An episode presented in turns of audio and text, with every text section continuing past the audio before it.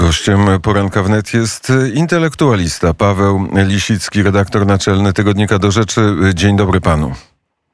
Dzień dobry panu. Patrzę na e, tygodnik do rzeczy i tam e, artykuł wstępny w rzeczy samej, zwycięstwo cywilizacji życia, 10 wniosków, to jest po, po, e, po e, głosowaniu, po decyzji Sądu Najwyższego w Stanach Zjednoczonych, ale najpierw zacznijmy od wojny na e, Ukrainie, od o, i powiedzmy, co Paweł Lisicki sądzi na temat tego, co tam się dzieje. Ale tak w ogóle, czy tak bardziej w szczególe, co sądzę na temat tej wojny? No bo y, y, y, bardzo trudno tak po prostu powiedzieć, poza najbardziej banalnym stwierdzeniem, że oczywiście bardzo niedobrze, że do tej wojny doszło i rosyjski agresor ponosi za to pełną odpowiedzialność. Natomiast czymś innym jest oczywiście ocena skutków tej wojny i jej potencjalnych konsekwencji również dla Polski. Mówimy o skutkach i potencjalnych konsekwencjach dla Polski. Polski. Dobrze, skoro mówimy o skutkach i potencjalnych konsekwencjach dla Polski, to oczywiście wszystko zależy od tego, co dalej, czy jak będzie wyglądała sytuacja na froncie, tak można by to y, powiedzieć. W Polsce Polska przyjęła w stosunku do tej wojny zrozumiałe podejście wynikające z tego, że mm, y, y, uważamy, że zachowanie suwerenności i integralności, choć nie są to dokładnie te dwie, to nie są dokładnie dwie te same rzeczy Ukrainy, leży w polskim interesie. Mm, I w związku z tym od początku bardzo mocno Polska zaangażowała się, mm, co zresztą widać w każdy możliwy sposób, we wspieranie mm, Ukrainy. Tylko problem polega na tym, że przy tym swoim nastawieniu, albo inaczej mówiąc, kierując się w tak dużym stopniu pewnym moralnym nastawieniem, zrozumiałym, jak mówię, mam wrażenie, że w polskiej debacie publicznej bardzo brakuje głosów, które by pokazywały, mm, jak na to, co dzieje się za naszą wschodnią granicą, patrzy się często na Zachodzie i zdobyły się na bardziej, nazwijmy to, pragmatyczne podejście. Co przez to rozumiem? No, Im dłużej trwa obecny konflikt, tym moim zdaniem sytuacja i pozycja Ukrainy się pogarsza. W Polsce panuje dokładnie odwrotny pogląd, zgodnie z którym mm, z każdym dniem tej inwazji pozycja Ukrainy rośnie, ponieważ Rosja się osłabia, straty rosyjskie są większe i w związku z tym szanse na zwycięstwo, również militarne, rośnie. Ja mam wrażenie, że niestety w tym przypadku ogół Polaków kieruje się raczej chcieństwem e, i raczej tym, co można by nazwać dopasowaniem sił do zamiarów, a nie odwrotnie, czyli nie patrzymy na realny układ sił tak, jak on wygląda, tylko na to, co chcielibyśmy widzieć. O tak bym najogólniej powiedział, jeśli chodzi o obecny stan tego, co dzieje się na Ukrainie. Mm, myślisz y, o tym, że Ukraina i wojska ukraińskie przegrywają wojnę, że, e, że e, już stracili Ługańsk i teraz stracą kolejne terytoria?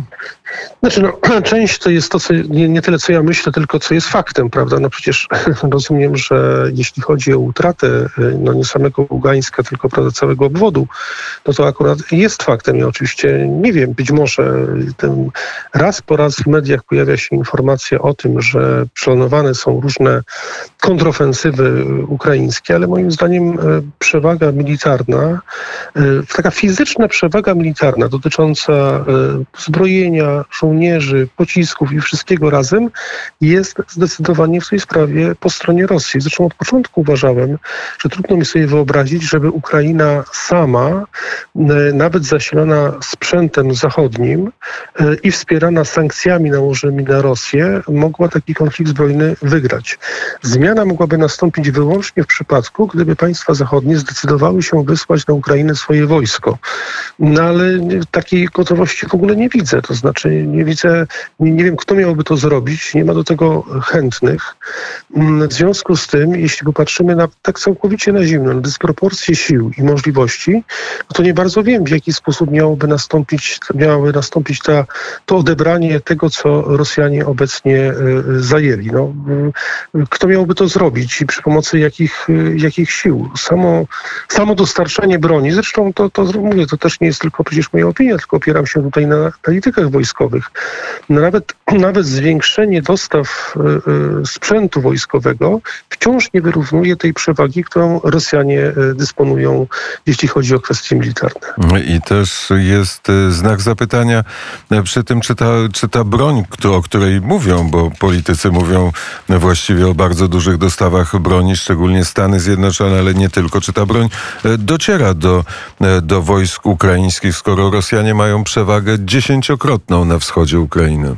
No po pierwsze, czy ona dociera. Po drugie, samo dotarcie broni, wiemy o tym doskonale, takiej współczesnej broni, no to nie jest to samo, co, nie wiem, przekazanie prostych pistoletów czy, czy, czy, czy, czy jakichś moździerzy, gdzie wystarczy bardzo szybko no, nauczyć się obsługiwać e, te, te, te, ten, sprzęt, ten sprzęt.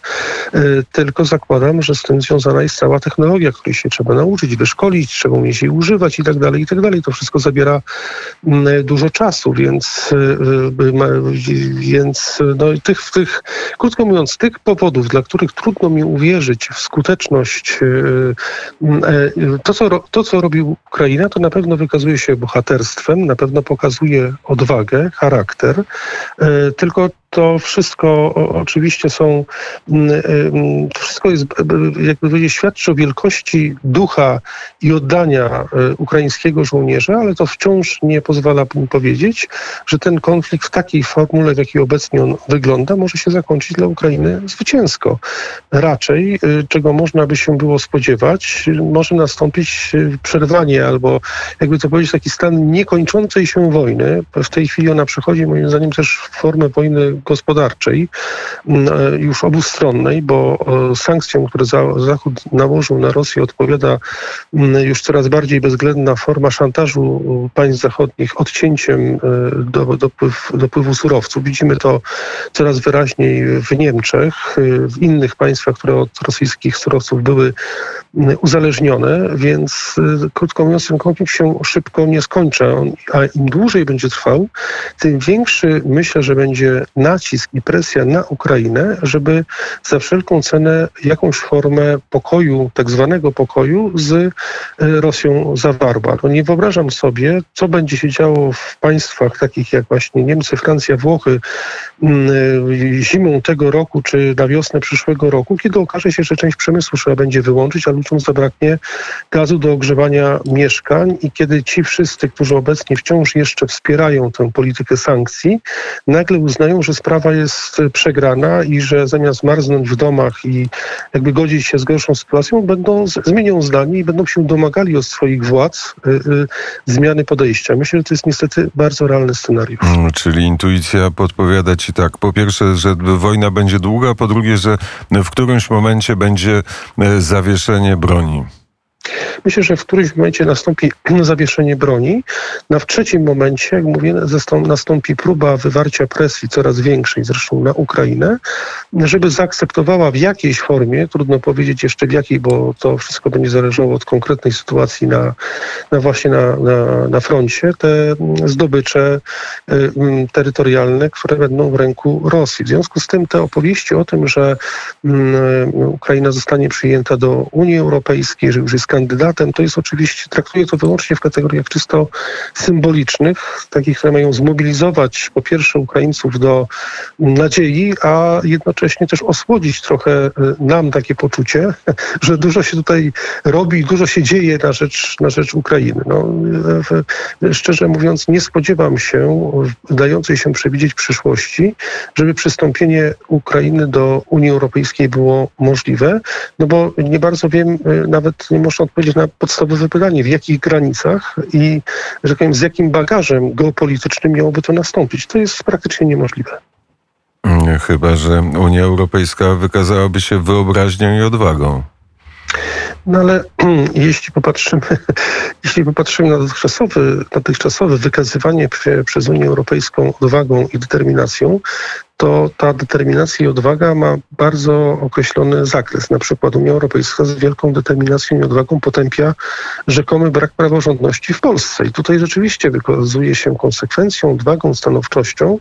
Natomiast no, nie spodziewam się podobnego zaangażowania, jeśli chodzi o e, e, relacje z Ukrainą i tym bardziej, że też Unia Europejska e, przy wszystkich swoich wadach, no ale też nie dysponuje tak jak powiedziałem, jedyna realna zmiana mogłaby nastąpić wtedy, gdyby pojawiła się y, siła militarna zachodnia na Ukrainie. Nie zrobi tego na pewno Unia Europejska.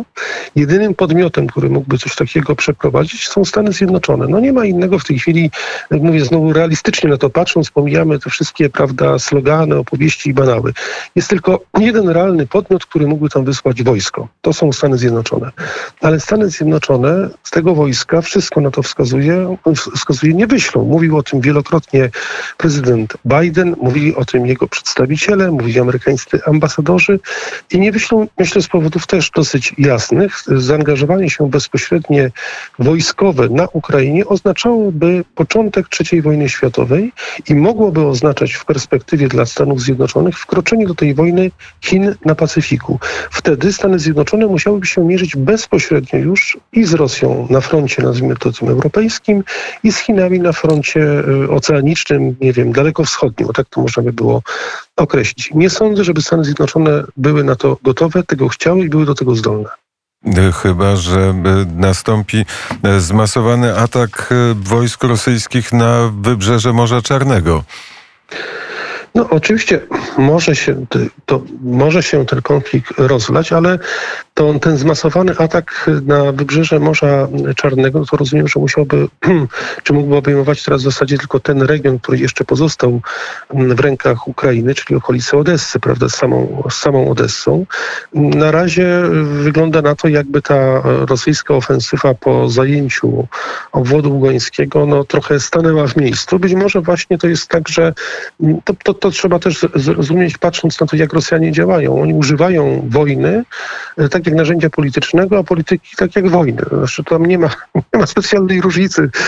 Może dla nas ta różnica między wojną a pokojem jest całkiem wyraźna, natomiast mam wrażenie, że z perspektywy Kremla e, to są narzędzia wymienne i w zależności od sytuacji e, albo postępuje atak militarny, a jeśli ten atak militarny nie przynosi wystarczających sukcesów, no to używa się polityki, czyli na przykład zakręca się kurek z gazem i czeka się, co się będzie, że tak powiem, dalej działo i jakie będą reakcje. No, y, y, przecież y, myślę, że te moje opinie, czy ta moja ocena tego, co dzieje się na Zachodzie, to nie wymaga jakiejś wybitnej przenikliwości. No, w państwach dobrobytu, czy w państwach, gdzie społeczeństwo, społeczeństwo żyje się stosunkowo dobrze, by nie powiedzieć bardzo dobrze, a to są takie społeczeństwa jak niemieckie, francuskie, włoskie, bardzo łatwo przy pomocy wywołania paniki, histerii doprowadzić do gwałtownych zmian nastrojów i również gwałtownego, gwałtownej zmiany podejścia w stosunku do tego, co dzieje się podczas tej wojny.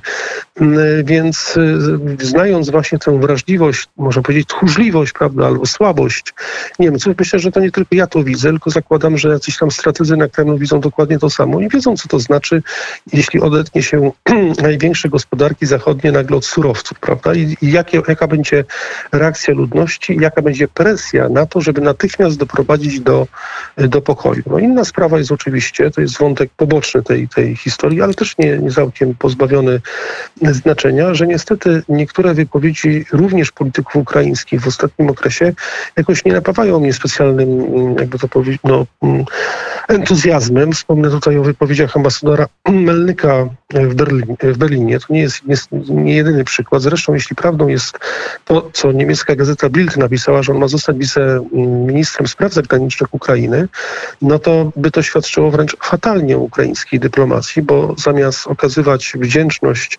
Polsce, która tak bardzo angażuje się we wspieranie interesów ukraińskich, no nagle y, zamiast tej wdzięczności mam wrażenie, że otrzymujemy coś w rodzaju policzka, no bo tak trzeba by nazwać wypowiedzi ambasadora Melnyka, które dotyczyły y, y, ludobójstwa na, na Wołyniu i to on to nie tylko, że powiedział raz, ale potem powtórzył. Jeśli jeszcze miałby za to zostać nagrodzony funkcją w Ministerstwie Spraw Zagranicznych Ukrainy, to uważam, że byłby to jeden wielki skandal. 11 lipca będziemy e, wspominać ludobójstwo na Wołyniu. E, pan prezydent Andrzej Duda myślę, że e, wtedy powie jakieś, jakieś ważne słowa, bo to jest ten ważny, ważny, a może najważniejszy punkt w relacjach polsko-ukraińskich, poza oczywiście wojną i wsparciem Ukraińców, którzy dzielnie walczą o, o to, żeby zachować suwerenność i niepodległość. Przez chwilę mówiliśmy o wyobraźni polityków Unii e, Europejskiej, to, poza- to w takim razie skomentujmy ostatnie zdarzenia, wypowiedź pani, e, pani Jurowej na temat e, praworządności w Polsce i właściwie ten duży znak zapytania, który po raz kolejny stanął przy KPO, czyli planie odbudowy krajowym zresztą.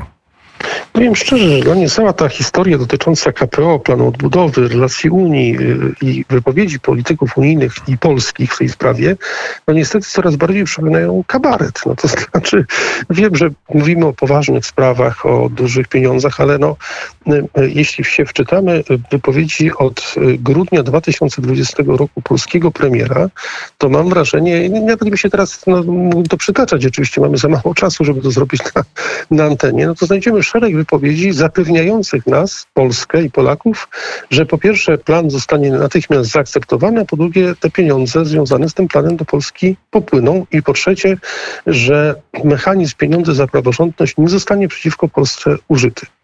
A jeśli się wsłuchamy w to, co Unia ma nam do powiedzenia w tej sprawie, to, to, uzyskujemy kompletnie odwrotny przekaz. No, pani Jurowa, mam wrażenie, zresztą ta jej wypowiedź nie była tylko jej prywatną wypowiedzią jako komisarza Unii y, y, Europejskiej, ale została potwierdzona później przez rzecznika Unii Europejskiej. No, wyraźnie widać, że nie wiem, polski rząd chyba nie chce usłyszeć tego, co się do niego mówi. I, i, i może nie chce tego usłyszeć, bo to jest bardzo nieprzyjemna e, pigułka, bardzo gorzka pigułka i ona by świadczyła e, e, niestety, że polski rząd z polskim premierem na czele okazali się totalnymi naiwniakami. No to znaczy łudzili się, opowiadali, y, obiecywali, a tymczasem są traktowani no, per noga z góry i za każdym razem, kiedy któremuś z komisarzy albo komisji się coś tam nie spodoba, to zawsze jest dobry powód, żeby powiedzieć, że właśnie ten warunek nie został spełniony, ten nie został dopełniony. Znaczy mnie najbardziej w tym wszystkim zaskakuje ta, ta, ta jakby to powiedzieć, lekkomyślność, z którą polskie władze oddały się tak naprawdę pod y, y, y, y, kontrolę, bo tak to trzeba nazwać, Unii Europejskiej. No bo jeśli polski rząd sam mówi o tym, że żeby otrzymać wypłaty, pienie- wypłaty pieniędzy, trzeba spełnić pewne określone konkretnie warunki, nazywane wdzięcznie kamieniami, kamie, kamieniami milowymi, no to trochę tak uczeń, który przychodzi do, do szkoły i godzi się przecież poddać rygorowi szkolnemu, jeśli nie spełni pewnych kryteriów, no to nie dostanie dobrej oceny, a w najgorszym razie wyrzucą go ze szkoły. No to rozumiem, że my występujemy w tej roli ucznia, który jest troszeczkę niesforny, oddał się we władze Brukseli i y, cały czas czekamy, że, że zostaniemy y, poklepani po ramieniu i będziemy się cieszyli z tego powodu. Y, I trzeba dodać, że pieniądze z KPO to jest pożyczka, którą gwarantuje rząd polski i polski budżet. Pożyczka, która musi być spłacona tam do 2059 2010 roku. No dokładnie, bo pierwsze... E, e, I do tego szybkie, szybkie pieniądze, które miały być na odbudowę gospodarki po covid -zie. E, takie było znaczenie i dlatego wprowadzono ten system, który zresztą czyni z Unię Europejską, z Unii Europejskiej gwaranta pożyczek, czyli zmienia ją i przybliża do stworzenia tego, o czym, o czym często mówimy, czyli do superpaństwa. No dokładnie, mówiliśmy nawet wtedy, kiedy ta decyzja zapadła w 2020 roku, były takie głosy komentatorów, moim zdaniem słuszne, że to jest tak zwany moment hamiltonowski. Takim wdzięcznym określeniem się wtedy posłużono, pokazując jak sytuacja, w której państwo szereg państw, ale powiedzmy jedna instytucja zaciąga długi, sprawia, że ona w pewien sposób nabiera tej, tej, tej wartości państwa suwerennego, prawda, czy tej federacji. Mm, I i te pieniądze, które miały. Jeszcze jeden, jedna rzecz, nie mówię, że to jest pożyczka, ale jeszcze to jest pożyczka obwarowana w taki sposób, w jaki gdybyśmy te same pieniądze otrzymali na rynku, no to mielibyśmy nieporównywalnie większą swobodę wydania ich tak, jak na przykład polski rząd mógłby uważać, że to jest zgodne z polskim interesem. W tej chwili jednak te pieniądze mają być wydane dokładnie tak, jak to zostało zapisane, zgodnie z pewnymi ideologicznymi kryteriami przyjętymi w Brukseli. Więc walka o te mm, pieniądze y, i, że tak powiem, i ta sytuacja tej ciągłej no, podległości, tego ciągłego y, krzyczenia dajcie, dajcie, prawda, i tego błagania, no, sprawia, że mówię, ten, ten element kabaretowy wydaje mi się być coraz bardziej y, oczywisty. No, tym bardziej, że jeśli mówimy przecież o rządzie i o premierze, którzy taką wagę, tyle, tyle uwagi poświęcali, przynajmniej deklarowaniu walki o suwerenność, o niepodległość, o to, że Polska wstanie z kolan, że nie będzie ulegała, że nie będzie się cofała i tak dalej, i tak dalej. No, zderzenie z tą machiną unijną nie brzmią specjalnie poważnie te deklaracje i dlatego one tak przypominają trochę taki pisk kota, a- a nie ryk lwa, który rozumiem, że miał być kiedyś słyszalny. Chociaż e, może kiedy e, popatrzymy z perspektywy wojny e, na Ukrainie, to już ten pisk kota w ten ryk lwa trochę się zmienia, patrząc na zwiększenie znaczenia Rzeczpospolitej, jeśli chodzi o flankę wschodnią, wschodnią NATO. Patrzę na zegarek, jest godzina 8.36, a my mamy w planach jeszcze wywiad, który dziś rano przeprowadził Paweł Bobołowicz, więc muszę podziękować, choć pytań wiele jeszcze zostało Pawłowi Lisickiemu, redaktorowi naczelnemu tygodnika Do Rzeczy za rozmowę. Pawle, dziękuję. Dziękuję bardzo. Dziękuję bardzo.